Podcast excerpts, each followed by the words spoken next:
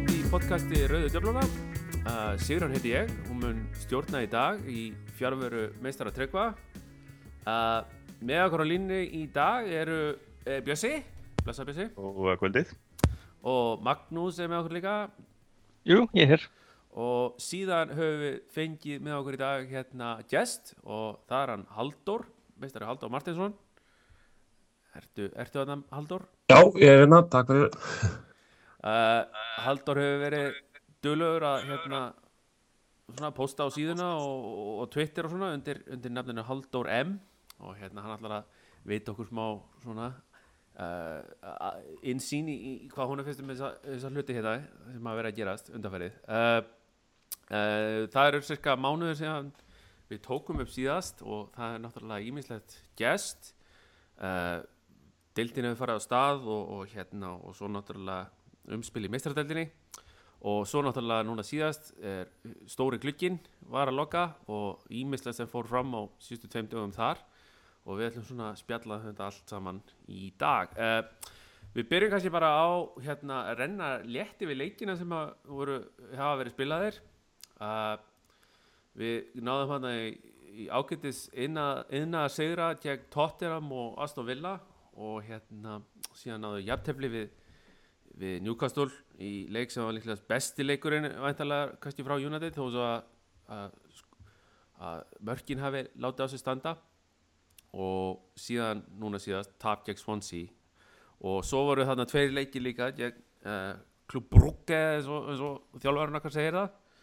Að hérna sem að unnust nokkuð öruglega og United mun spila aftur í meistaröldinni á þessum tímali sem eru frábæra fréttir að sjálfsögðu fyrir alla en svo ég gefa nú bara boltan á, á þiðbljösi hérna, hvað svona hvað hefur þið fundist um spilamennsku liðsins svona til að byrja með? Ég meina uh, við náðum þetta sex stegum hérna í byrjun og það er náttúrulega betri árakur heldur enn í fyrra en það eru margir ekki, ekki kannski sáttir við svona hvernig liðið er að spila og það er svo sannlega hérna erfiðleikar fremst á vellinum hérna, að pota boltanum í markið og, og, og hvað hérna svona, já, hvað, hvað finnst þér um þetta þessa spilamennsku, svona almennt Það lýsir því náttúrulega ekkert betur heldur en sigrar. Það búið að vera svakaströgl fram á við. Við höfum haldið bóltanum vel og vörnin hefur verið að spila rosa fínt uh, og svo hefur ekkert gengið fram á við. Það er eiginlega allt það sem segir. Og spilamennskan er eitt af því sem að, maður sér að stöðningsmenn eru hringt ekki ánaði með. Það er það hefur verið mikið talað um, um það hvað United sé að eðilegja eitthvað uh, Unitedið í sér. Þá er oft verið að tala um unglingan og þeir sé allir að fara og eitthvað svona.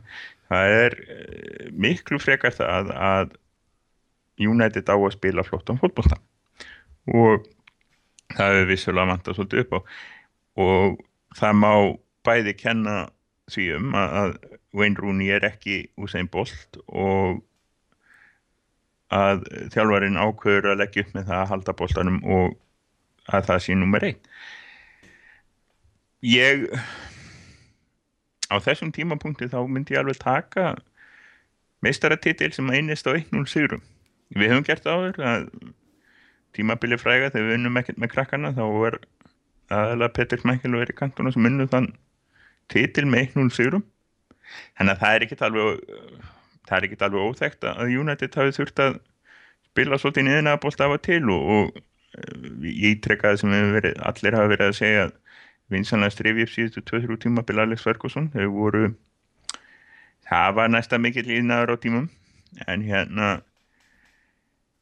en ég veit ekki, ég, ég vil bara dæma spilamennskun einhvern tíman í desember, ég vil sjá miklu meira, ég vil það er svo mikið hefur verið að gerast í leikmannahóknum að hérna ég held að við það getur breyst rosalega mikið á skamum tíma ja, til hinn betra og jável til hins verra. En við erum allavega konur í mestadildinu það var það sem skipti máli núna fyrstu daga tímabilsins. Þetta tap gegn Sonsi er orðið að bara föstum lið, við fáum ekkert stig í vels þannig að hérna maður er ekkert sérstaklega ánæður en við erum samt með sjö stig og hérna liðið sem að ég spáði mestaratitli virðist ætla að, ætla að rúlla þessu upp. En það er, er mestaratillum yfirleitt útlutað í september. Já, nákvæmlega, en það er náttúrulega sko, svona eins og þessi leikir hafa verið að spilast undanfærið, þú veist, bara í, í allri dildinni, er náttúrulega hérna, þú veist, hefur Chelsea verið að ströggla og Arsenal smá líka og, og, og svo framvegist það er eiginlega bara City sem er að sína eitthvað svaka standard, sko, annars eru verið allir verið að vinna alla og hérna, og ef maður bara horfir á svona heilt yfir þetta var náttúrulega svolítið öðri sem finnst mér ef að þú veist, Manchester City var með 12 steg og Chelsea með 11 og, og Arsenal með 11 og, þú veist, og svo framvegis en það eru allir að tapa stegum akkurat núna og það er það verið að slípa þess að hópa saman og mjög eðlilegt að það sé svona svolítið hyggst svona til að byrja með. Og við förum í klukkan á eftir en, en það sama er nákvæmlega sama að virðist að hafa gert í klukkan City var hann klukkan og allir hinn erum með sjöstig Já, ég meina, já, við skulum fara í klukkan það er alveg það er alveg sér kapituli fyrir sig. En hérna en, en Maggi, hvað hver er þín svona ertu, ertu sáttur með sjöstig núna í eftir fjóra leiki, í fymta sæti? Ég meina, er það ekki bara þú veist, allt í lægi þó svo náttúrulega við viljum, við viljum alltaf pyrra þér eftir, eftir tap, sérstaklega eins og Jack Swansea en er það ekki allt í lægi bara að vera með sjöstig Jú, það er svo sem allt í lægi en menn munur náttúrulega að United liðin undir Ferguson fór oft skelvilega illa stað og voru oft í, um þessar slóður fyrst, fyrsta mánuðin, tvo mánuðina. Við erum náttúrulega bara það er bara búin fjóri leikir þannig ég, ég, er hvorki óanaður ný ánaður ennþá, það er bara ekki komið reynsla á það. En eins og Björn segir þá ef, ef við komum fram í desember og við erum ennþá bara í, í þessum pakka þá myndi ég kannski hafa meiri áhyggjur. En annars er ég bara, teki bara undir það sem að Bjössi segir sko. Halldór, hefur eitthvað við þetta að bæta? Hva, hva, hvernig hefur þið fundist svona þú veist til dæmis eins og núkastuleikurinn var ansið góður leikur en hérna bara náðist ekkert að skora þar. Þar hérna Colicini átti bara leik lífsins í vördninni þar og, og Krúl líka í markinu þannig að en eins og þetta með við þann leik ég menna þá var United að sína flottan bolta var ekki það, vantar ekki upp á það svo sem? Nei, nei, það var líka uh, eðlilegt að einhvern veginn Vangal kæmi eftir þann leik og sagði að, að þetta væri eitt sá besti ef ekki besti leikur sem að leiðu spilaði undir hans stjórn. Og maður svona sá það að þeir voru líklega að gera akkurat það sem hann lagði upp með að þeir ætti að gera nema bara fyrir utan að skora, skoru ekki. Já. það er svona kannski, maður hefði kannski ekki búist við í fyrirfram svona sérstaklega ekki kannski fyrirluta síðastu tímabils að maður sem myndur sakna í, í þessum leik væri í og hann hérna eiginlega hefði verið kjúrið að setja hann inn á hann þegar það var kortur eftir í þeim leika hann hefði öruglega náða druslin einu marki með, með olbúun á lofti og, og hérna þá hefði þetta verið allt annað, allt annað mót sko. Hann er náttúrulega tölverð mikilvæg fyrir liðin en það er líka annað sem að hérna, sem að verist fari í töðan á mörgum stundningsmannum er það að, að plan B er oftast virðist vera að setja fyrir leini inn á og, og ætla að setja einhverja svona eins og að kalla húfbolta inn í, inn í, hérna, inn í bóksið sko. En er ekki rétt að Fellaini var í banni í leiknum mútið Newcastle? Jú, það var síðasti leikurinn sem var í banni sko. Já, annars hefði hann, eins og Haldur segir, líklega komið inn á. Já, já, ég er alveg viss um það, hann hefur verið settur inn á sko, en það er einmitt svona sínið svolítið spils með stöðuna sko, að þú veist, hérna United er í blúsandi sókn alla leikin sko, eiga rosalega erfiðleikum með að skora og þú veist en hafa enga aðra verið veist, það var engin aðeins möguleikar í stöðinni fannst mér einhvern veginn veist, með skiptingarnar sko. skiptingarnar voru veist, út, af að, út af því að það var ekki feleini á hérna, var ekki á bekknum. Það var, svo, var ekki hægt að gera, gera neitt annað einhvern veginn. Að mér fannst þetta eitthvað svo þetta var eitthvað svo frústrærandi leikur einhvern veginn fannst mér. Nú sá ég ekki svonsileikin en það var verulega gaggrinda skiptingarnar í þeim leik. Já, ég er enda að misti svona, meiri hlutan af þeim leik. Maggi, þú sást hann leika, ekki? Jú. Menn töluðu það að Mata til dæmis hafi verið nokkuð sprækur en var síðan tekinn út af Hvernig sást, hvernig sástu það fyrir þér? Já, ég, ég er svo sem sammála því hérna en þarna þarna þannig að hann setur inn Karrik þegar og tekur henni út þá leikmenn sem hafa, voru svona skapandi og held inn á þarna Memphis og og Svænstekar sem voru ekki að eiga góðan dag Nei, þetta er náttúrulega það er volið erfitt einhvern veginn að hérna, svona, að horfa á þetta í gegnum sjónvarpið. Maður skilur ekki alveg og Herrera var ekki, hann var ekki var ekki alveg ekki, kannski jafn sprækur, sem menn hefðu vonast til en, en það hérna en Herrera til dæmis verður gríðarlega mikilvægur leikmaður núna þú veist, eftir að glugginn fór eins og hann fór að það er eins og hann muni núna verða bara hérna byrjunarliðs leikmaður hann að vonandi hérna hann komi sér, komi sér á flugið aftur en hérna eftir, já, eftir að hafa verið nokkuð sprækur svona setjapartin síðast tímabil Sko það er eiginlega það sem maður saknar mest úr þessum leikjum er að við erum alltaf að sjá fjóra, tvo, þrjá einn. Maður væri alveg til í að sjá sko einu sinni hérna fjóra, þrjá, þrjá. Eða allu heldur eh, fjóra, einn, tvo, þrjá einn, eða þið skiljið hvað við. já, er að segja að, að spila ekki með, með Schmidfield eh, heldur með eh, einhverja tvo aðeins meira framlíkjand og þá ég vil kannski herra er og inn í eins og við gerum stundum í fyrra. Og hérna við gerum það væntanlega ekki í næsta leik, alveg örglega ekki en hérna maður myndi vilja sjá það gegn svona minni spámanum við til, að- til að reyna að brjóta fá meiri hrað og brjóta upp leikin já, hann verðist sko vera nokkuð sáttur svona með hvernig hérna með hvernig Darmian er að spila sína bakvarastu sko, hann er náttúrulega hérna, og, og sjó líka, þeir, tveir hafa er verið að virkilega sína góða takta fyrst mér í þessu leikjum sem að hérna, eru búnir. Og það er svona ákveðið svona feskur, ferski vindar að, að, þjóta þar um en sko þá í staðinn þá er það sem er að gera náttúrulega er að það vill vantarlega nota þessa leikmenn eins og Karrek og, og Snædilin til þess að svona droppa þá út á þá kanta sem er í sókninni sko eins og til dæmis með vinstri kantinn. Þú veist ef að sjó keirir upp að þá sér maður oft hérna þá sér maður oft sko miðjumenn að svona detta niður aðeins niður á kantin til þess að loka þar og þar af leiðandi hérna ég- þar af leiðandi virðist að vera svona eins og, eins og hann hérna vilji nota þessa svona þessa stoppara þarna í, í, á miðjunni í, fyrir þetta kerfi sem hann er núna að nota sko. það, er, er einhvern veginn svona mín mín tilfinning fyrir þessu en svo náttúrulega komist í meistradöldina og það var náttúrulega hérna, ég held að margir hafi verið töluvert hérna, stressaðir yfir þessum tveim leikin gegn Klub Brugge en United fór nú nokkuð nokkuð bara flott í, í gegnum þá. Uh, er það ekki bara út af því að, að hérna, Klub Brugge er bara ekkert það stert lið? Eða hvað? Þeir eru augljóslega slætt lið. Og, en ég meina það þarf að, það að refsa slökuliðunum og það var gert alveg hyggstalaust þannig að það er bara allt í lagi en hvað gerðist þar sem að vantar síðan upp á í dildinni það var meiri hraði í þeim leikjum. Já, já sko Rúni vaknaði þannig aðeins. Rúni hefur eins og þetta er, þetta er allt eitthvað sem við höfum nefnt sko og hérna Rúni er alltaf sett til alltaf aldrei í almennlu formi í ágúst.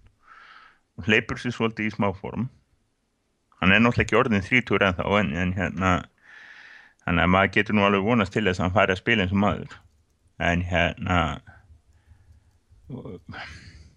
þetta er, þetta er ákveðið vandamál vegna þess að við ákveðum, það var ákveðið að, að, í fyrra að spila með eitt framherja og það var alveg ljóst að það þegar þú spila bara, þetta er orðið næst eins og markmannstaða þú getur bara verið með topp markmann.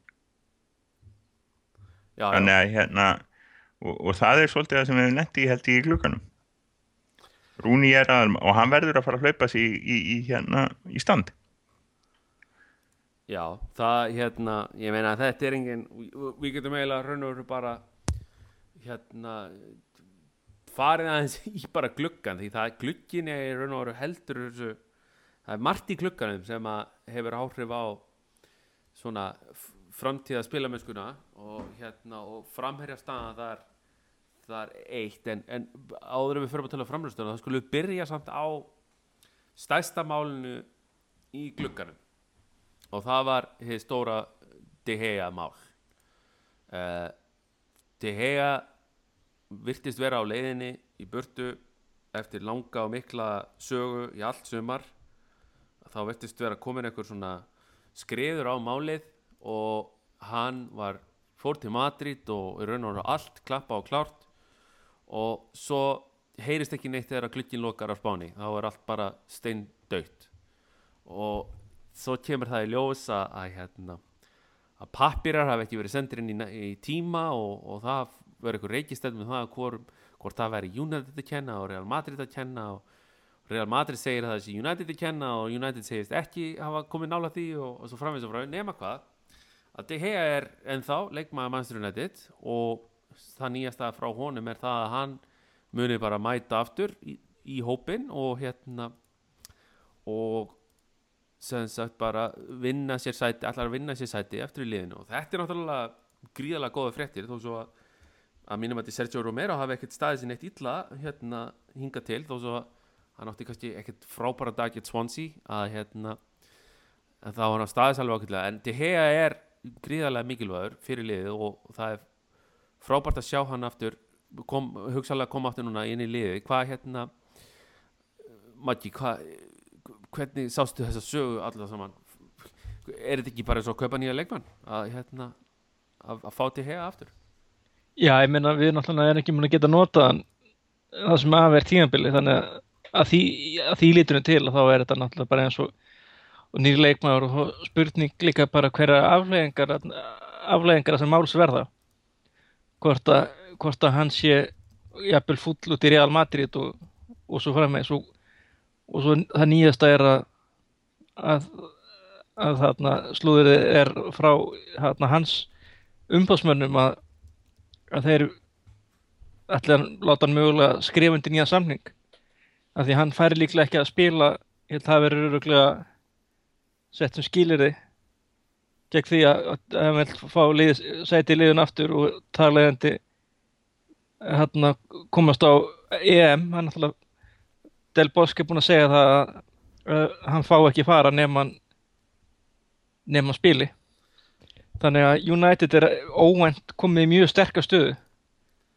Þannig að ég er bara hlakka bara til að sjá hvað verður Já, ég er nú svolítið ég er nú tölvöld, ég, ég veit var að lesa þetta hérna líka að, hérna að United væri núna komið svona í aukumann stöðu, ég veit nú ekki alveg kannski með það þetta hefur veriðst vera mjög æstur í það að fara til Real Madrid. Ég er ekkert alveg til að vissum það hérna að þeir ná að, að hérna sannfarn um það að skrifa undir nýja samning. Ég held að það sem freka muni gerast er það að Real Madrid væri núna bara að senda honum SMS eitthvað og segja honum bara að hann fái allan hann pening bara í vasan ef hann skrifar undir þú veist í janúar og bara kemur næsta sumar.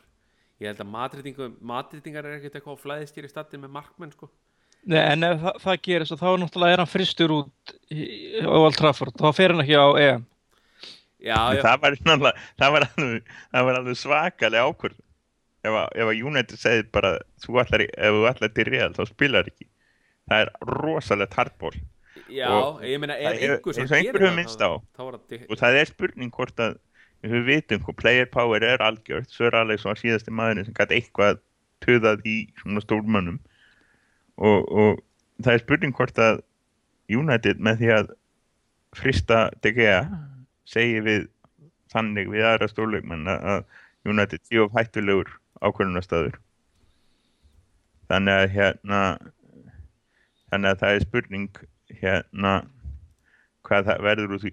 Mér finnst þetta reyndar bara alveg æðislegt. Mér finnst þetta sko svo mikið hérna fokkjúmerki í andleiti á real og, og allt þetta klúður. Og þetta samkvæmt sko greinin í Independent sem hefur farið hvað best yfir máli frá öllum hliðum þá, þá er eiginlega bara augljóst að, þetta er hérna real að kenna.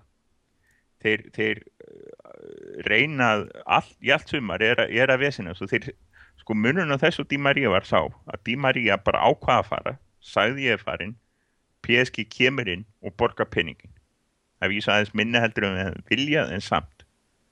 Og hérna en, en, en, en De Gea, hann er svaka kurteis að hann vildi ekki boat eða eitthvað og endanum kemst hann ekki.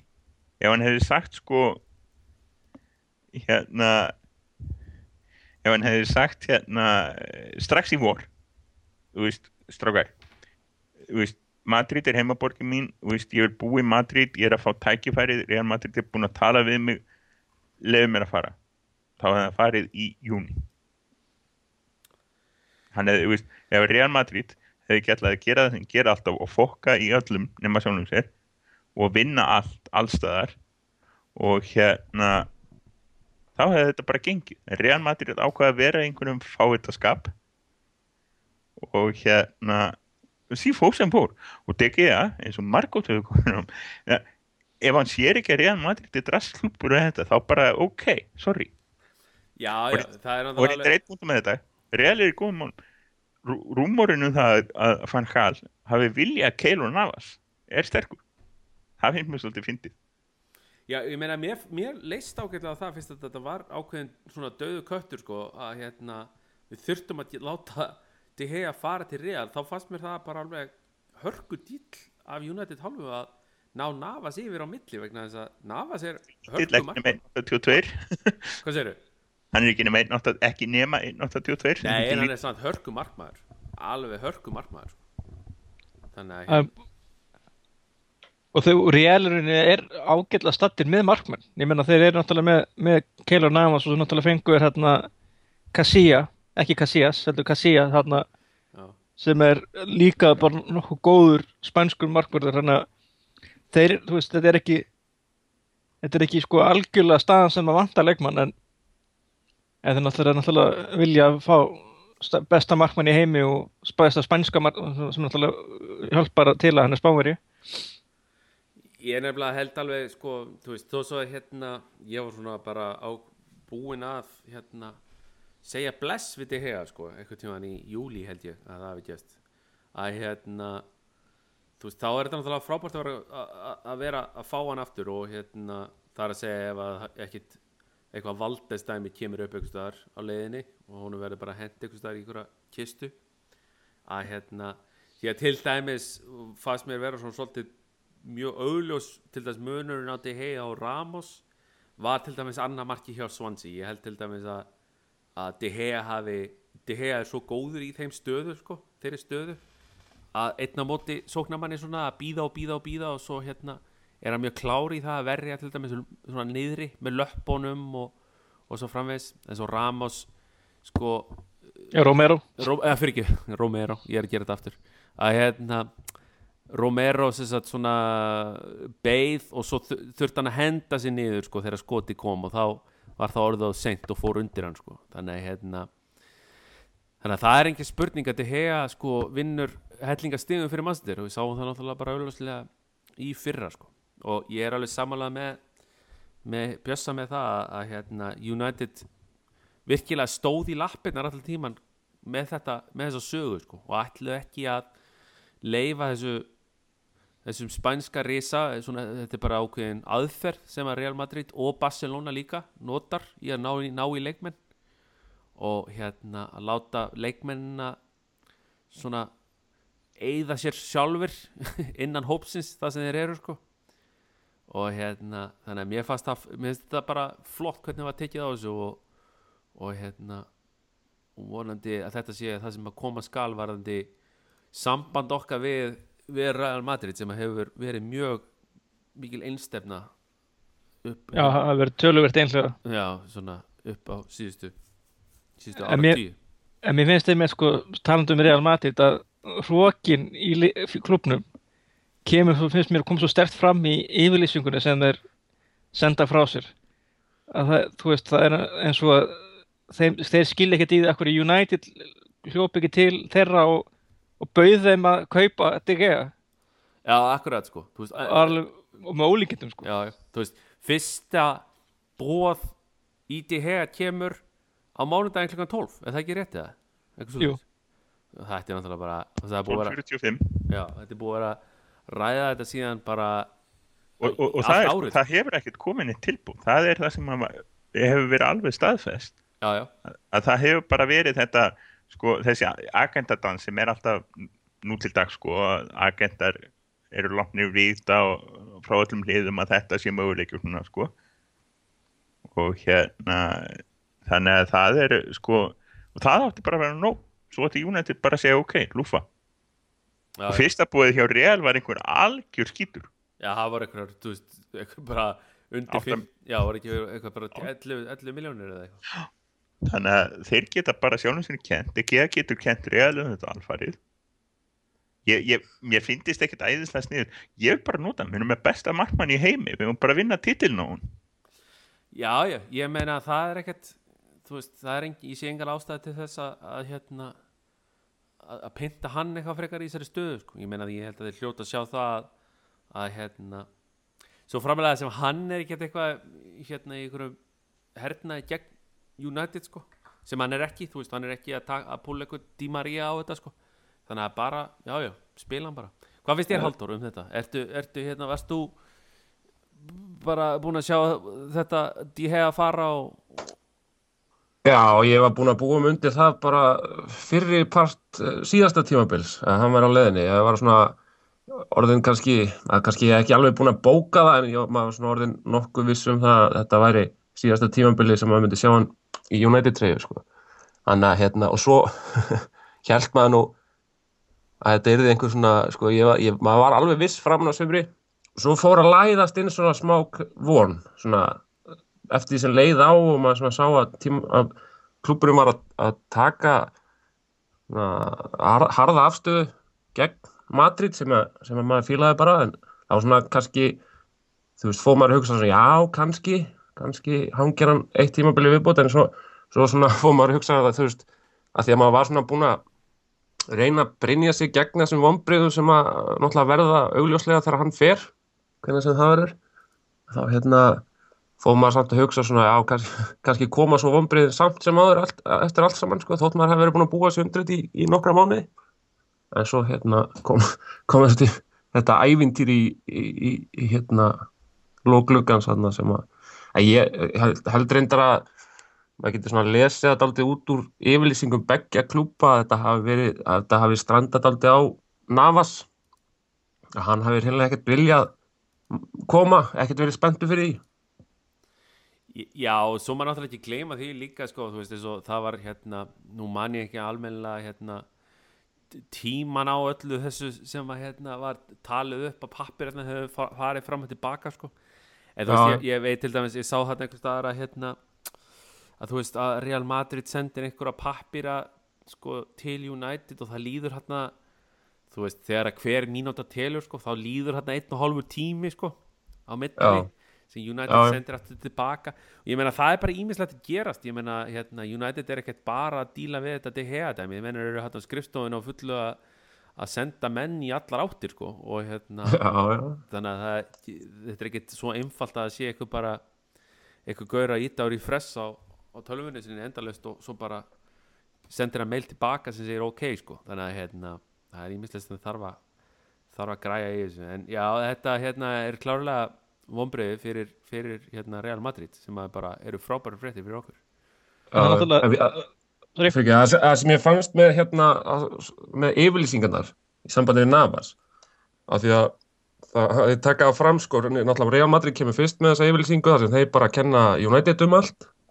En samt svona finnst manni líka daldið, það var eitthvað svona ég man ekki hvernig það var orðað en það var eitthvað að tala um það Navas, veist, Navas skrifar ekki undir fyrir að það eru hvað, fjóra mínútur í miðnætti eða eitthvað. Og hérna, og United talar um það sko í sinni yfirlýsingu að Navas hafi verið sko mikilvægur hluti af samningnum að Navas kæmi. Og svo undir lokin þá hafi Real Madrid vilja gera einhverja alvarlega breytingu á samningi. Nei, ég man ekki hvernig það er orðað nákvæmlega. Já, já, akkurat sko. og það er Jú, hérna það var einmitt sko að kom einhver samningur frá Real 20 minnum fyrir leikslokk og það var, og þeir voru búin að breyta einhver einhverju krúsjál það, var náttúrulega bara sko þetta var svo finn, víst, það, það var bara greinilega að vera að tefja. Og einn maður til sem er alveg brjálega Keylor Navas vildi fara til Manchester. Já, já, það, veist þannig að, þannig að það eru allir leikmenn þannig að brjálaður þetta, þetta er bara þetta er svo fyndið. Þetta er, þetta er eitthvað svo snarruglað. En það finnst mér líka eitt eiginlega svona aðtiklisvært í þessu er hvernig hérna var sko Navas höndlaður þetta?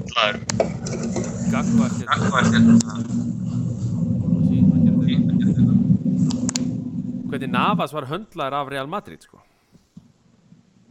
Ef að fyrsta tilbúð kemur inn á hádegi og er bara eitthvað gríntilbúð að þá er ekkert víst af Navas að vendilega vita af því fyrir bara eftir hádegi þann sama dag að hann var hugsaður sem hluti af kaupverði á móti DG Nei, nei, eflaust ekki. En þú, svo finnst mér aðteklisvært sko að hugsa til þess sko hvernig, sem ég ætla að segja á það var sko hvernig forraði með Real Madrid hafa höndla Navas þegar að það kemur upp sko að, að United vill hérna vill Navas í staðin fyrir De Gea og þeir sjá sér þarna loksins er opnað þarna dyr til þess að ná De Gea yfir til Real Madrid.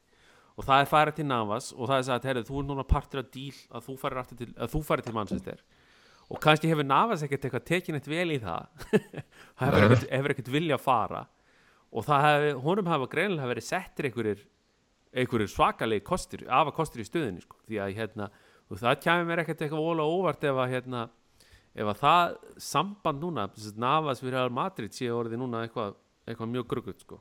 Það er það- bara, bara neitrað ef, að- ef að þetta hefur þróast þannig sko. Já, En það er náttúrulega áhugavert við þetta er að við erum náttúrulega erum í skárið stöðu United náttúrulega er, er með þú veist, Gea er í liði sem vill hafa hann. Þó að hann vil náttúrulega fæta til Real. En Navas er í þeirri stöðu hann er hjá liði sem að vera tilbúin til að henda honum sem, henda honum bara sem skiptimynd. Já, akkurat sko. Þannig að ég var ekki einhverstað verið að skrifa um það úrslita leikur mestaradeildarinnar í mæ Manchester United, Real Madrid. Keylor Navas í markinu ég, í hvori liðinu? Já, þetta hérna þetta er allan að var mikil dramatíkan og það er náttúrulega ekki langt frá því að þessi, þessi, þessi saga sé búin sko. það verður skrifað um þetta núna alveg alla vikur allan að fram í janúar. Já, já. Um það hvernig þetta munir allt saman að fara þegar getur skrifað undir í janúar. Þú mátt, þegar samningur er enn út og þú mátt fara til annars lands. Já, já, og hérna nú er sem verið að tala um hérna þennan samning sem er á borðinu eða var á borðinu til DGA ef hann skrifar undir hann þá fær hann einhverjar 8 miljónir afturvirkar punda. Og, og hálaun þetta sísón, hann er á klinki, hann er á 40 skalla mánuði og á, á viku. Og sem sagt fær 8 miljónir afturvirt einhverjar miljónir í viðbót fyrir þetta ár? Og, United, og, og þá alltaf einhverja svakalega exit klásulu sem er náttúrulega gildir ekki eins í Englandi en sama. Þeir segja bara við þeirra að fara til real eða borga 35 miljónir hann getur real eða verið að lofa samkvæmt slúrunu verið að lofa honum að borga 10 miljónir á borði fyrir að skrifundir og hann getur náttúrulega tekið það en ákveður ekki að taka bara hvort tvekja og leifa okkur að fá peningin frá real. Nú eða þá bara ef hann ákveður það að taka bara sanningin og spila með United.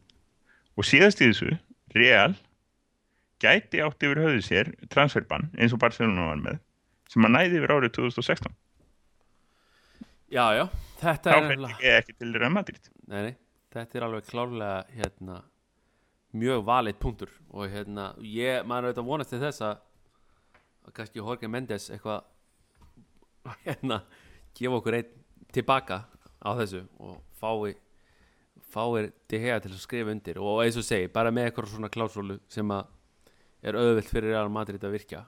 Og, hérna, og þá fá United reynilega bara þann pening sem að um alltaf vilja fyrir til hega Þannig að já, já, þetta bara verður að koma í ljós það sem að hérna, eftir lifir þessa, þessa tímabils. Þessi saga mun allan að klárlega halda áfram hérna út þetta tímabil allan út þetta árið. En hérna, skulum við líka aðeins ræða hérna gluggan meira. Það hérna var mikið reynsað og, og, reynsað til kannski meira heldur en margur bjóst við. Fyrst að kom ekki svo margir inn heldur. En við skulum ræða nýja mannin sem kom inn. Uh, Antoni Martial og hérna 19 ára strákur frá Monaco franskur nýr landslýsmaður frakka uh, hefur staðið sig mjög vel með frökkum og eða hérna með Monaco sig og skoraði hvað ekkur 8-9 mörg í fyrra.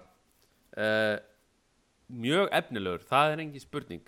Uh, gríðarlega fljótur, teknískur góður einn og einn og hérna, virkilega svona vel þroskaði framherji svona miða við 19 ára en hann er kannski ekki þetta er, þetta er einhver smá upphæð fyrir, fyrir stráka þessum aldrei og, og að kaupa, það skiptir ekki máli fyrir hvaða upphæð þú kaupir 19 ára fótboltamann, það er, er alltaf mingil áhættu fjárfjölding hvað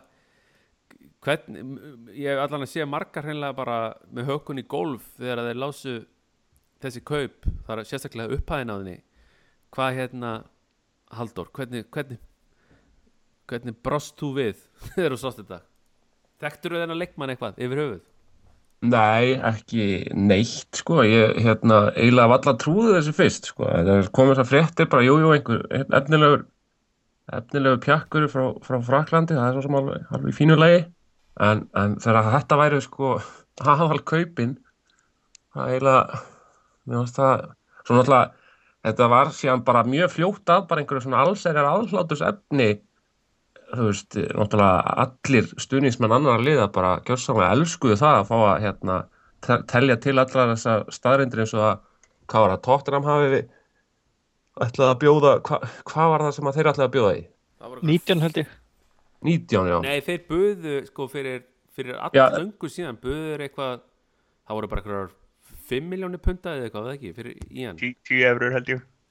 Já, og, og þá átti var að hafa sagt, heimtað já, 20 þeim var sagt, já, ef, ef, ef þið komið með 20 þá, þá er hann leikmaðurinn ykkar. Og það var fyrir hvað, tveimur mánuði síðan eða eitthvað slíkt. Já, það var eitthvað fyrir, fyrir þessu ári allavega Já. hann er náttúrulega leggst á þetta United skatturinn. Já, United skatturinn og svo Panic Buy álægið, sko. Það, það, þetta er ekki panic buy ég held þetta sko það er panik upphæð kannski eða innan gæsalappa Já, já, ég sé, já, en, en það sko þessi leikmaður ég, ég trúi því alveg fullkomna að hann hefði verið skátaður sko það hefði verið verið að njósnum hann síðast ári. Já, já, það er, Ég- það er, það er marg hérna, búið að dokumenta það að, hérna, að þeir hafi skátað hann dreng mjög vel sko. en svo er spurningin er, panik, er ákveðið paniki að reyna að fá hann inn núna fyrst að þeir láta Hernandez fara svona á síðasta degi sko. því að hérna, ég held að Hernandez sko ó, auðmikið Hernandez maður ég get talað um Hernandez bara í allan dag þess vegna sko. en hérna sko, ég heldur þetta að hann hafi verið látið fara af því að þessi var bara að koma inn Ég veit það ekki, Maggi, hreinlega Mér finnst svona eins og Hernandez hafi bara þú veist, hann var kliftur bara út þú veist, í, hann fekk hérna haustið í fyrra til þess að hérna, sanna sig eitthvað aðeins, fekk nokkra leiki. Þegar að United var gjössanlega steingjelt þú veist, fram á við hvað sem var sko. Og hann náði ekki að, að hérna, upp á sitt einstæmi að, að skora ykkur þú veist, í hverju mennasta leik. Þannig að hann var settur bara á lán til Real þar sem hann var meira og minna á bekknum. Svo kemur hann inn núna. Veist, hann er ekkert notaður út í það meiðist hann er ekkert notaður í sumar og svo kemur hann inn þetta í einu leik kemur sér í færi og svo framvegis það var ekki vandamálið en fær að taka víti þar sem hann rennur á raskatið og, og, og skýtur framhjá. Og þú veist, þetta fræga vídeo sem að er að sem gekk á eftir leik af hérna Louis van Gaal horfandi á starandi á Ryan Giggs. Jú, hún endaði leyskuslinni hjá okkur. Það hérna, já, sem var leikstýstunni í okkur það hérna, fannst mér í raun og veru segja bara allt sem segja þarf, þú veist, Van Gaal vildi bara, þú veist, vildi ekkert nota hann. Það hefur eitthvað verið innan United sem ég held ég að hafi verið Ryan Giggs þess að Ryan Giggs eh, var náttúrulega spilandi með liðinu þegar Hernandez kemur inn og stendur sig gríðarlega vel. Ég held að Giggs hafi haft meiri trú á honum sem leikmanni og jafnvel aðrir leikmenn liðsins eins og Rooney og svo framvegis því að það er nú annað samtal sem hefur átt sér stað að- að Van Gaal hlusti á það sem Rooney hefur að segja. Og en síðan bara með þetta víti eða þetta, þennan eina leik bara game over sko. Og þá er hann bara seldur með þetta saman sko. Sko van, það, það er eitt sem ég held að ég hef ennþá alveg trú á fangar það er uh, langt í það að ég fari eitthvað að röflum það. En það er eitt með hann sem ég held að sjálfur ljóst. Hann dæmir mjög fljótt leikmann. Hann er við, viðþór manna eru rosalega mikilvæg hjá hún það er eitt sem að vera að heyra um að Janúsæ hefði ekki verið með réttu viðþór við hefði ekki verið nú aggressífur á æfingum og húnna í vor til dæmis og í sérsta veitur þá er hann ekki þá, þá, þá er, Fangal, hann fílar það afskaplega illa. Og það er einlega sama sko Chicharito greið hann hérna hann hefur aldrei verið aðalmaður. Hvorki okkur nýja Fanniljona fjóri Real Madrid og, og og það var bara og ég er einlega saman að makka ég held að hann hefur látið fara því að þeir voru að fara í fáin Martial. Og hérna það bara var ekki pláss. Við getum, getum sem þetta hugmyndinni svo, við getum alveg saft hennan ungling að koma inn á spila og svona. Og svo hefur maður alltaf auðvitað frekar áhyggjur af, af Hames Wilson heldur en nokkru öðru núna þegar Marcial er komin inn Já, það er hérna Jú, jú, ég meina eh, það er náttúrulega spurningin hvernig, en svo er náttúrulega líka að vera að tala um sko, þú veist að að hérna, þú veist, hann er kiftur á 36 miljónir og svo eru alls konar hérna umræður um það hvaða viðbóta greiðslur eru og svo framvegis maður er heyrt alls konar tölur flekt fram alveg upp í sko ég veit ekki hvað, hvað upphæði það var aftur, það var bara 56 kúlur ef hann verður gullbolta hafi það er væntanlega það er væntanlega síðasta greiðslan. Ef hann fær það þá er allt hitt.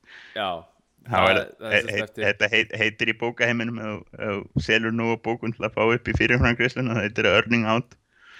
Og hérna þetta er svona það er, ef, ef, hann, ef hann verður 56 miljón punta maður þá verður hann 56 miljón punta virði Já, það er hérna í raun og öru að síðasta greiðslan verður sem sagt eftir eftir tíu ár, eitthvað svo leiðis vonandi. En sko já, já, þetta er hérna mjög aðteklisverð kaup og ég meina það á greinilega að leggja öll spilin sko, ég meina þetta er, þetta er strákur sem að þessu segi verður mjög svo spennandi leikmaður. Eftir að hafa lesið um hann núna og, og, og hort á YouTube mymbönd og slíkt að, að hann er klárlega með ákveðið svona mjög spennandi svona reyfingar og, og touch á boltan og, og svo framvegis, það er ekki spurning en hvort að hann sé hérna þú veist, hvað hvað gerist ef að Rúni veist, meiðist núna? Maggi, hvað, er það bara er þessu strák það bara hendin á? Ég, ég, ég ekki, ekki nema Það er ekki þannig bóði Nei, en svo náttúrulega hefur hann talað um að fela íni geti verið þannig að geti, honum geti verið hent fram mér finnst það eiginlega svona líklegast þá ég náttúrulega myndi vilja auðvitað að þarna Martial eða Wilson myndi þá bara detta inn í staðin en ég get al, myndi alveg trúa vangar upp á það að henda fela íni upp á topp En gætu við þá ekki bara kift Peter Krauts eða eitthvað á, á bara miljón? Já, það, það er að segja sko, ef við myndum vera að spila með, með vel, fela íni fremst og þá náttúrulega myndum við náttúrulega spila um tvörn og svo vera með já, Memphis og, og hérna og Martial í kring fyrir snögga. Þannig að, þannig að það væri röglega búa til eitthvað taktíkur því, en en ég vona svo innilega að, það, ég að ég hef rámt fyrir mér. Og það ég vona innilega bara að Rúni meiðist ekki. En það er þarna núna svolítið hérna og eða svona ég segi það mikið talað um þetta að hópurinn er gríðarlega brottættur núna. Fyrst að kom bara ég meina glugginn byrjaði gríðarlega vel eins og við erum allir sammála um. Og Já. hérna fengum hann inn góða miðju og, og hæri bak og, og svo framvegis. Og svo kannski voru menn alltaf að leita eftir því að, að Di Maria hérna yrði kæmi ykkur inn fyrir Di Maria og svo er þið eitt kiftur svona sem uh, ykkur sem að myndi virkilega veita rún í mikla samkeppni upp á, upp á toppi. Þannig að það voru svona vera já, búast við því allavega. Svo núna var engin kiftur í staðin fyrir uh, hérna Di Maria en í staðin er Janusæ lánaði til Dortmund. Hvað hérna eins og ég segi þannig að til dæmis eins og hæri kantur ég meina, erum við að fara að sjá bara Asli Young og, og Valencia hugsanlega að spila bara miklu fleiri ríki í vetur? Já, Asli Young náttúrulega klálega Asli Young náttúrulega stóð sér vel á síðast tíðanbili en þú veist eins og, eins og Valencia verður hann núna bara að bakka upp fyrir til dæmis Mata á hæri kantinu?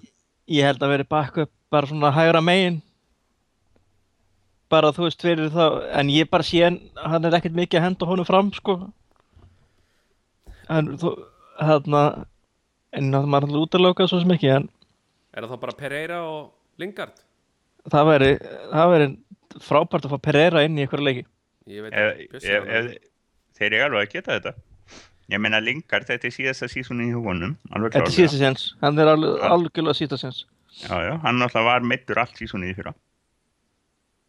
Þannig að þannig að hann, hann á séns og hann hefur oft sínt sko smá smá lit og hann er ekkert verri varamæður þannig að frammi heldur en heldur en Tony V. Þannig að það, ég myndi ekkert gráta þá og sko það, það má jáfnvel færa röka því að stóri sigurverðin hjá United úr þessum klukka hafi verið uh, Pereira. Já, það er hérna og, og Herrera líka. Ég segi það hygglust að fyrst já, já, herri er á núna klér, klér sjótt á tíuna. Já, og Fellaini líka. Fellaini, ég held að við munum sjá svona ákveðna blöndu af hérna, Herrera og, og Fellaini núna í hólunni sko. alveg hygglust já ég held að færa algjörlega bara líka eftir sko eftir an- andstæðingunum. Já, já, það mun klálega, klálega að fara til því sko. en ég sko, Er að skoða þetta við erum náttúrulega að fá minn hvað sex leikmenn. Depay, eða Memphis Darmian, Snædilin, Svænstakar, Romero og Martial. En en, en, að móti fara átján menn út. Seljum eða, eða sendum að frí transfer f- 13 leikmenn og svo fara þarna 5 leikmenn út á lán. Já, þetta er rosalega hreinsun. Þetta er gríðarlega hreinsun sko. og hérna og þetta er mjög, myndi ég segja mjög áhættu samt ég meina, það eina sem ég er að pæla svolítið í varandi hérna, Lingard og Pereira er, er sko erum við að fara að detta í sama pakka og við gerðum í fyrra til dæmis með Magner og Blackett. Þú veist að það, að þeir ke- ekki að spila bara að kemur eitthvað upp á og við bara sjáum fram að það að þessi strákar muni bara fara að starta leikjum og þeir eru kannski ekki alveg tilbúinir í það ennþá. Nei, ég held náttúrulega ef það gerist og náttúrulega er, þá er það náttúrulega einu stöðunni. En það er náttúrulega bara ef. Já, en þú veist, við sáum nú heldur betur af meðslum á síðasta tíðanbili það, það er náttúrulega alveg biluna En það var náttúrulega mest framan af. Það dró aðeins úr því svona undir restina. það gerði það, það gerði það en sko, sko Jesse Lingard er að vera 23 já, hann er minna, náttúrulega veist, ef hann er ekki tilbúin í að spila í aðilinu núna, þá verður hann aldrei. Það Nei, er en ekki svo síðast er- 18, 19 eins og, eins og Magnero eða 19 eins og Magnero og hérna Blackett voru. En náttúrulega Magnir náttúrulega hefur, finnst mér, nánast bara valla átt slæman leik. ég er alveg sammála því. Magner er búin að vera fýtt, sko, já, já, það er ekki spurning.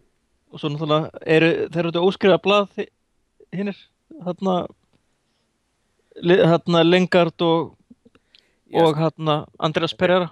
Málið með Lindgard bara, það eina, er, þú veist, og með þessa stráka er það, hérna, þú veist, ídeal staðin er að kynna þessa, þessa stráka inn í hópin, sko, en ekki þurfa að taka, hérna, Moyes og, Moyes og, hérna, Jarnusæ, momentið á þetta og bara setja þessa stráka inn, sko, bara eittur á bingo, Nei, nei. því að það virkar ekki alltaf, sko, ég meina, þú veist, við vorum hefnir þetta eina tímabil að Jarnusæ kom og dró vagnin undir Moyes, því að ef að það hefði ekki virkað, hvað hefði það gæst? þá hefði þau bara lent í Það var eini leikmaður sem að blómstraði undir David Moyes. já, þannig að sko þannig ég, ég ætla ekki eitthvað að bóka það að, að svoleiðis hluti gerist aftur sko, aftur og aftur Nei, og svo er eitt annað sem ég mjög, mjög við hennar glugga með að við sko munum þessum sumum glugga og, í fyrra er að við erum að kaupa núna leikmenn fyrir hvað 120 miljonir punta enginn er að er reppar af Jorge 104 Mendes já, enginn er 104. reppar og Jorge Mendes er ekki með neittna svo leikmennum nei, nei, en það hefur já, hann er náttúrulega hann er hvað sem er involvaður í klubin í gegnum gegnum Dick Hea er Nei, nei, ég er- er að segja sko þannig að það er augljóst að United, að United hefur bara ekki, það getur kannski útskipt af hverju fengum ekki neina topp leikmenn núna í sumar er að, Já, það er eitthvað að það eitthvað Mendes kallt hættur að milli. Nei, En- en, en Mendes sko- er ekki hjálp okkur ef, ef, ef við tökum við ég, ég vil taka þannig, ég held að við köfum restina svolítið vel. Það er stóra máli í þessum klukka er það að við fengum ekkert stórt nafn. Og ég held að sjálf á hreinu við reyndum við fullt af stórum nöfnum. Við allavega reyndum við á svipuðum level og Real Madrid var að reyna við þegar við spurðum fullt af mönnum og fullt af lefum hvort þið væri tilbúinu að selja okkur stór nöfn. Og hérna við fengum það ekki þannig að hérna ég sé ekkert að því. Það er bara ekkert það er ekki eins og við, við löpum ekkert endilega út og kaupum Gareth Bale.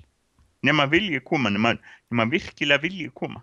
Já, það þarf náttúrulega, að þarf náttúrulega að koma svona fullkomin stormur þar sem að Real til dæmis þetta tilfelli vill fá sér eitthvað nýja, nýja stórstjörnu og og selja Angel Di Maria já, til dæmis. Ég segi, sko, þeir hafa alltaf gert þetta. Já, já, þeir hafa alltaf, alltaf rótir að sko. En, en þeir náttúrulega verða eins og sérstaklega klúpur svo Real og Bayern München til dæmis þeir, þeir selja bara þeir vilja það. En sko United er nú ekki beint á einhverju flæðistýri statt varandi fjármál sko. nei, alls nei, ekki nei, en- það er aðalmáli núna Ég held að sé nefnilega það að- hvort menn að treysta liðinu til að verða meistarar. Já en er það mjög það er ekkert mjög hérna kannski endilega frábær hugmynd að að bara selja alla þessa leikmenn að að vera, þú veist, er ekki hægt að selja tvo og fá inn einn og svo selja tvo og fá inn einn í staðin fyrir að selja bara sex og fá inn einn Já, mál, máli er sko að allir þessi leikmenn sem er að fara, þetta er allt leikmenn sem á, voru ekkert að fara að fara að spila. Nei, þeir voru kannski ekki að fara að spila þannig laga sko, en ég meina það eru þarna ákveðni leikmenn þú veist, sem að hefði alveg verið vel hægt að þú veist, að vera með í backup þú veist, eitthvað á hann er meðan ekkert að fara að spila backup. Hann Persi er búin að fá nóga þessu og er ekkert að fara að spila backup. Hann þarf að, sko það er að koma að Evrópukefni þessi menn eru, sko þessi tveir þetta er svona þeir helstu sem við hefðum viljað virkilega hafa á bekknum hjá okkur. Já, og hérna og sérstaklega fann Persi, mér er alveg saman hann hann var alveg búinn en hérna ég treysti alveg Lingard og, og Pereira og, og Memphis fyrir því tjópi sko. Og, og hérna Asli Jón en hérna og fann Persi var bara hann var bara svo slakur í fyrra. Þið verður bara að muna það. Hann bara Ég er al, alveg samanlega. já, hann já, bara ég meina ég, ekki neitt. ég, ég er svona meira var meira að horfa á til dæmis á þú veist, er til dæmis hefði Nani og til dæmis Hernandez ekki verið ágætis backup eitthvað aðeins lengur út fram í januar á meðan að vera að vinna í veist, að kannski að- að að fá þessi stóru nöfn eða, eða þessa, þessa leikmenn sem að, því það er ekki spurning að það er verið að skáta á fullu, það er fullt af leikmennum veist, og það, þeir þurfa ekkert að heita Bale eða eða, Muller eða neitt svoleiðis veist, það eru fullt af leikmenn sem er verið að skáta og er verið með að hafa, hafa augun á sko. og þeir kannski eru á lausu í janúar eða fyrst þeir voru ekki núna sko. Það var nú í raun og veru svona það er engin stórlaus í hann hvað hérna? Ekki nema, ekki er nema ekki- eitthvað sem er ekki, ekki Ekki meista- og svo er ekki hann champ- svo er hann sko byggarbundin í, í meistaradeildinni þannig að þannig að sko janúar er ekki að fara að bjarga okkur neitt. Ég fann kalsa alltaf að ég er fóð tvo menn í hverja stöðu hann er með tvo menn í hverja stöðu. Kannski ekki alltaf þá bestu en, en mér finnst eiginlega máli með þetta. Það er búið að segja og mörgum finnst og, og Runól vantar hér í kvöld sem væri hérna við vitum það alveg að hann væri hér mun aggressívari gegn okkur heldur en við erum hérna það, kannski að Halldór geti bjargað okkur í þeirri stöðu en, en hérna sko, hann er rosalega stressaður, Runólfur er rosalega stressaður yfir þessari stöðumála í húpnum finnst þetta algjör skandal og hérna ég get að sömuleiti verið alveg sammála og, hérna mér finnst þetta er þunnur hópur og það má ekkert mikið gerast En hérna, mér finnst líka að segja, sko, það er búið að segja að United er að rústa hérna reppinu sem við erum að kaupa einhverja risamenn og hérna gleyma því að við erum unglinga og eitthvað svona. Menna, hvernig treystu unglingunum betur þeir eru ekki með neitt hóp, þannig að við verðum bara að gjöra svo og taka unglingan inn. Það eru fimm unglingar af þessum 24 hana, sem við erum með, eða sex unglingar kannski. Og hérna hvað erum við þá ekki, þú veist, ef að þeir eru all aðar backup okkar, er þá ekki verið að treysta þeim svolítið? Jú, jú, ég held að, held að, ég held að. Og, og kannski loka punktur sem ég ætla að neglin við keiftum Wayne á 27 miljónir punta árið 2003 Já, já, og, veist, og, og með að við verðbólguna í, í sko tekjum þá eru 36 miljónir bara, þú veist kling, það, það, það er meira eins og þessar 56 tótal sko. Já Wayne það er, var með viðbótaklásulu sem allar hafa dottið inn að svolsögðu sko. Já. og hérna og, og þannig að við hérna þetta er bara, þetta er bara allt í lagi verðmiði við eigum alveg bönsamonni eins og skaldið sagði. Minnst allt í lagi eða um svolítið. Þetta er ekkert svo vittlusar en hvað annað. Og þetta er þriðjungur að verði garð beil Nei, fyrir utan líka, þetta er bara, þetta er bara rosalega United-legt að kaupa svona, eigða smá pening í leikmann sem að þeir hafa trú á að verði næsta, næsta stjarnar. já, við munum eftir því að þegar, þú veist, og Nani var kiftur á 17 það þótti alveg brjáluð upp að sko Það var allt brjála Fyrir- þegar Alex Ferguson kefti Ronaldo. 26, við bara vissum það ekki Við keftum við Ronaldo á 11, eh, milli 11 til 12 miljonar pund og þá skildi engin neitt í þeim kaupum. Þannig að maður veit aldrei hvað verður. Nei, nei, það hérna, eins og sér, þetta, þetta þarf alltaf að koma í ljós og, og já, það er alveg rétt að, að 35 miljónir í dag er, þú veist, eru 15, you know, 15 miljónir fyrir 10-15 árum síðan, þannig að þetta, hérna, og ég sá nú líka ákvæmtist tíst frá einhverjum góðum dreng Íslending sem að ég man nú ekki alveg hver var akkurat núna, en hann sagði að það er óþarfið að láta fjármál klúpsinsins láta það fara eitthvað voðalega í sálarlífið á manni þú veist, ef að þeir þeir eiga nægil alveg nógum penning mér finnst allt miklu verra við höfum ekki við, við eittum, það, það voru mörg ár þegar við nitt, eittum ekki nóg sko. já, Pæ, pældi ef, ef, ef að Ferguson sko ef hann hefði það fær mig enginn til að trúa því að hann hefði ekki vilja sko spreða 30 miljónum punta í Edin Hazard. Nei, það bara, ég, ég neita að trúa því sko. Þannig að hérna, ef hann hefði keipt svona eins og Edin Hazard í staðin fyrir að bara gema penningana Hva- En hérna, ef við værum svona hypothetically með Ferguson, hann væri, hann hefði, hann hefði alltaf aldrei verið svona ruthless. Þó hann alltaf hafi verið í hérna tíðina, en Nei, sko, nei, en, en hann, það var vandamáli, hann skildi eftir þessi fræga mynd sem er að ganga núna fyrst með krossunum og núna með sko, svarkvítu leikmannum, allir farnir. Já, sko, það eru kannski tveir þrjir leikmenn þar, max sem að væri að gera eitthvað í þessu hóp í dag, það er rétt. já, hann, hann skildi eftir aldrað og miðlungsleikmenn Já, hann náttúrulega, hann náttúrulega sagði það sjálfur að, þyrt, að fjár ára fresti þyrftur að, að, hérna, þú veist, búa til nýtt lið. að gera nýtt lið. Og hann var ekki búinn að gera það í fjóra, í, já, í meira. hann Persi er hann Persi kom og hann, hann honum yfir hérna yfir línu Já. Ga- gaf okkur eitt titil já, já það, hann, hann gerði það það var í raun og veru bara var hans eina markmið í liðinu var að retta þessum 20. titli En hérna, en, en aftur á sko af upphæðum, ég hérna, ég er hættur að stressa með upphæðum að því að minni alltaf sjálfur mig á það að París kefti David Luiz miðherja, nei hérna ekki miðherja heldur hérna miðvörð á 50 milli punta, þannig að ef hann er 50 milli punta maður þá náttúrulega þá er þetta allir. Þá er, þá er 36 milli punta fyrir Martial bara útsöluverð.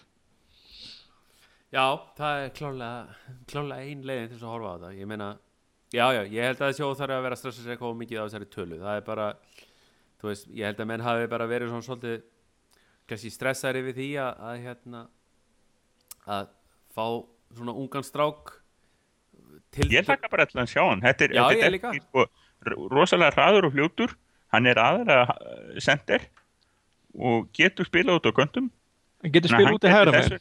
ha, Hann getur spila, hann spilar oft út í hægra megin, skils mér. já, Var hann ekki, var ekki er vinstra meira á mútið Arsenal líka? jú, hann, sko ég sá eitt vídeo á hann þar sem hann kom upp vinstra megin Já, lagði Ég upp mark held að á, á Berbatov maður? Já, sko, hann skoraði þann eitt rosamarka sem að vera á YouTube bara smelt honum í úr tegnum sko viðstöðulöst á lofti með vittlur löp sko, vinstri löpinni Já, ég sá einhverja klippið það sem var verið að sína brota á móti, það sem þeir spila á móti Arsenal við unnið á hana 3-1 þá laði hann upp eitt marka á Berbatov þá var hann, kom hann hann að vinstra megin af kantinum sko. Já, menn hérna, það var einmitt mikið rættu það þegar, þegar í, í, í fyrradaga hérna, gæra í fyrradaga að hann hafi verið mjög sprækur gegn Arsenal og Ars- Arsenal nátti í mesta basli með að hemmja hann í þessu leikjum hérna gegn í meistaradeldinni Vonum bara að það haldi áfram. Já, nákvæmlega. Já. en, já, það voru við- kannski, svona talandum Berbatov það voru kannski helstu vonbreiði mín svona fyrir utan United hvað gluggan var þar að- að Berbatov kom ekki aftur í ennska boltan ég hefði vilja, ég hefði verið til í að sjá það. Hvað, hvað hann er í pá Þú verður bara að kaupa þær áskipta leikin hjá Saloniki í staðin Já, ég, ég sá eitthvað grínu það að hann fengi, fengi svakalega bónus ef hann lærði að stafa uh, fulla nafnið á liðinu. hverra krónu virði maður Heldur betur. Já, þetta hérna þetta verður bara alltaf komið ljós eins og svo oft sagt þetta hérna þetta var allan að mikil hasar í þessu glugga og hérna og greinilegt að að Van Gaal er ennþá að svona finna rétt, rétta balansin í liðinu. Og það er ég er svo sem ekkert alltaf mikinn ekki alltaf stressaður yfir þessu ennþá allan að mér, þó svo að, að það vanti svolítið upp á grettuna á fremsta vellinum að þá finnst mér liði vera svona ágætlega slípað og, og hérna og yfirleitt hefur þetta verið svona svolítið erfitt í byrjun tímabils eins og Maggi myndist á það var nú algengt undir fergur svona það var svona smá ströll til að byrja með og það er bara eðlilegt, mér finnst vörnin svona vera líta ákveðlega út og, og miðjan líka og það vantar hérna bara svona smiðsvekkið þarna fremst og ég er líka sammála að bjössa með það að það er mjög algengt að að hérna Rúni er svona, er svona svo, te, svo ég fari nú tekið svona smá gótu frjálsum íþróttum að þeir eru svona svo teknísku hérna, Rúni er svo teknískur tugþrötamaður sem að bara keppi sig í form í staðin þess að æfa sko og hérna ég held að Rúni muni, muni tróða einhverju sokkum í, í, í kjafta í vitur ég, ég er, hef ennþá bullandi trú á hann þannig að ég hef engar af því. Það er bara að vona að hann meiðist ekki núna með Englandi. nei, nei, þetta Já, vonandi, það verður spennandi. Ég, eins og ég segi eh, landslið eru til mest óþurktar nema íslenska landslið og hérna, það er vonandi að hérna við menn- heila heim Er vonandi að Memphis og, og hérna blind verði eigi slæmaleg. Já.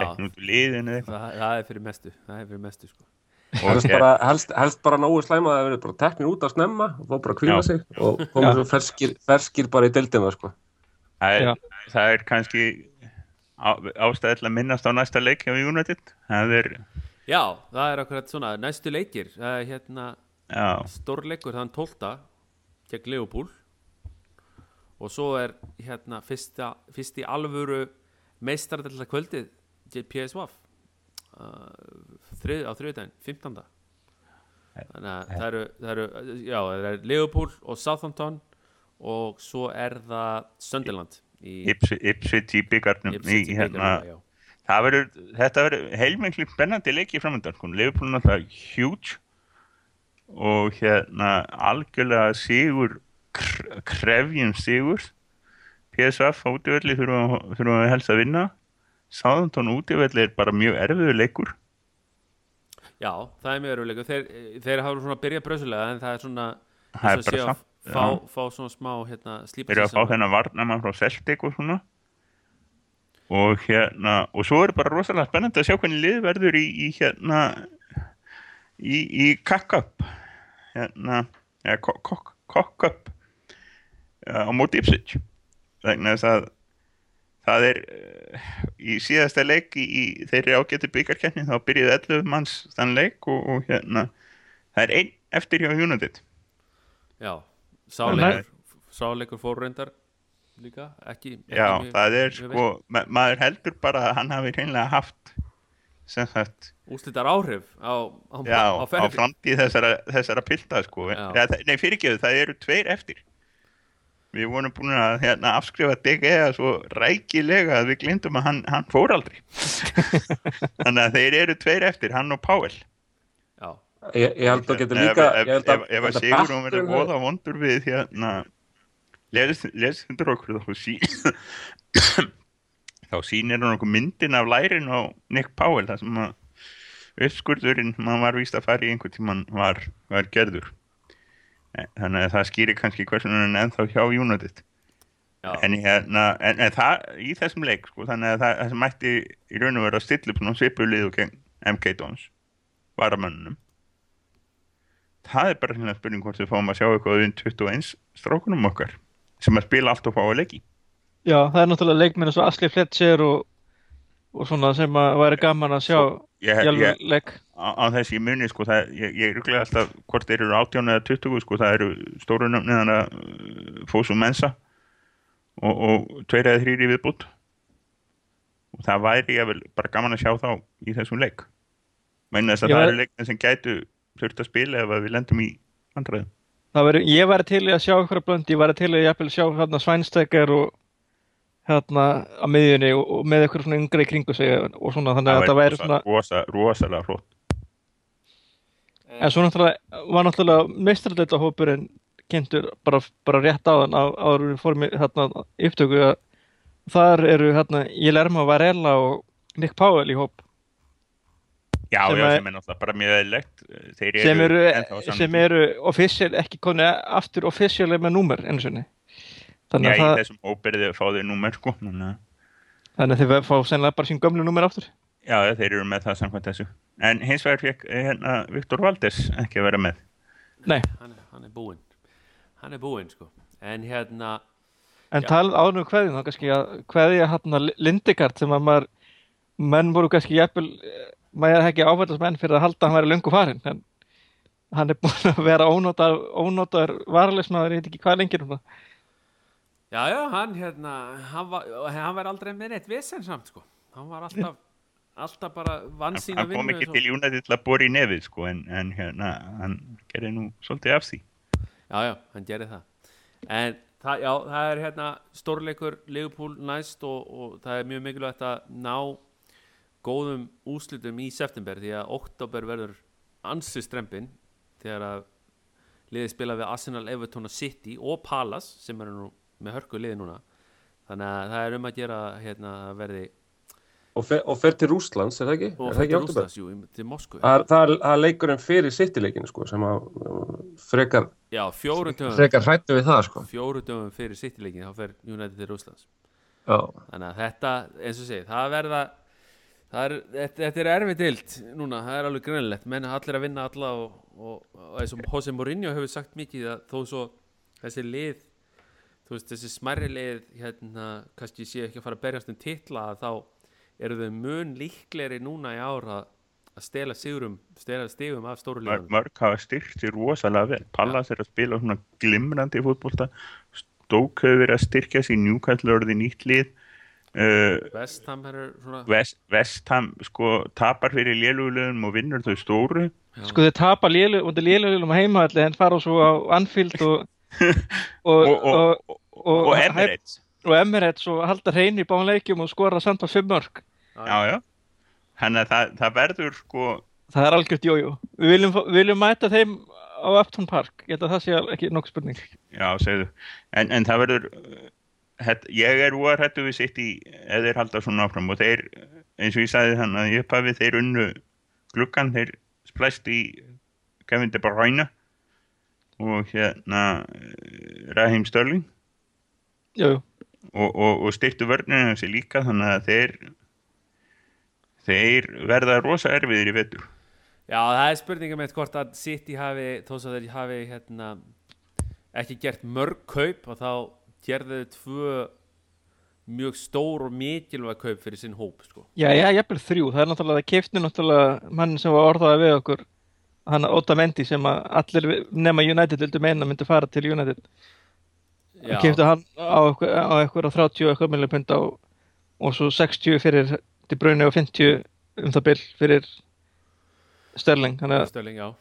Og þrjú Delf feikur Delf líka? Já, já, fyrir Já. dag líka. Já, þeir, þeir hafa gert alveg þeir hafa svona sem alveg gert alveg helling í, í klukkanum líka og svo náttúrulega hafa leikmenn sem voru að spila illa fyrir að fyrir að vera að spila vel núna framar. Mangala til dæmis hefur verið að spila vel.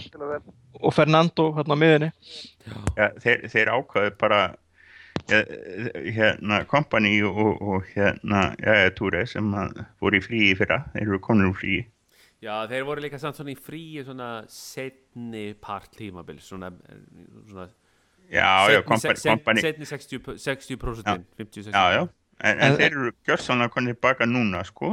En þeir, þeir náttúrulega Sitt- eiga sko, Chelsea gerði þessi stóru mistök sem að United gerði stundum. Þeir urðu meistarar og gerðu svo ekkert. Já, já, skildu meistarlið eftir ó, næstu óbreytt. Ekkert nýtt til að sko halda mönnum á tánum. City gerði þessi mistök líka. Við erum aðeinslan hóp, við ætlum ekki að breytunum og þá erum við stundu svolítið satti og það bara ég þetta var rosalega spennandi, ég hlakka alveg opbóðslega til. Það- og líka óþólandi frasi það er náttúrulega nóga stigum eftir í bátinu. Þannig að já, já það er því að réttigli getur, getur allt gerst. Já, já, það er, hérna, það er aldrei óþarfið að fara í eitthvað, í eitthvað panik á þessari stundu. En hérna, ég held að það sé bara ágætt að enda þetta podcast á þeim orðum. Við, við skulum bara öll slaka vel á því og, og sjá bara hvernig, hvernig næsti mánuður mánuður og tveir spilast. Og hérna, en við verðum aftur á ferðinni. Hvað verður eftir svona eftir svona tæp, tæplega mánuð. Við þökkum Halldóri fyrir að koma hérna sem gestur í dag og svo bara sjá þér hress og kátt fljótlega. Takk fyrir. Takk fyrir mig. Takk, takk. Takk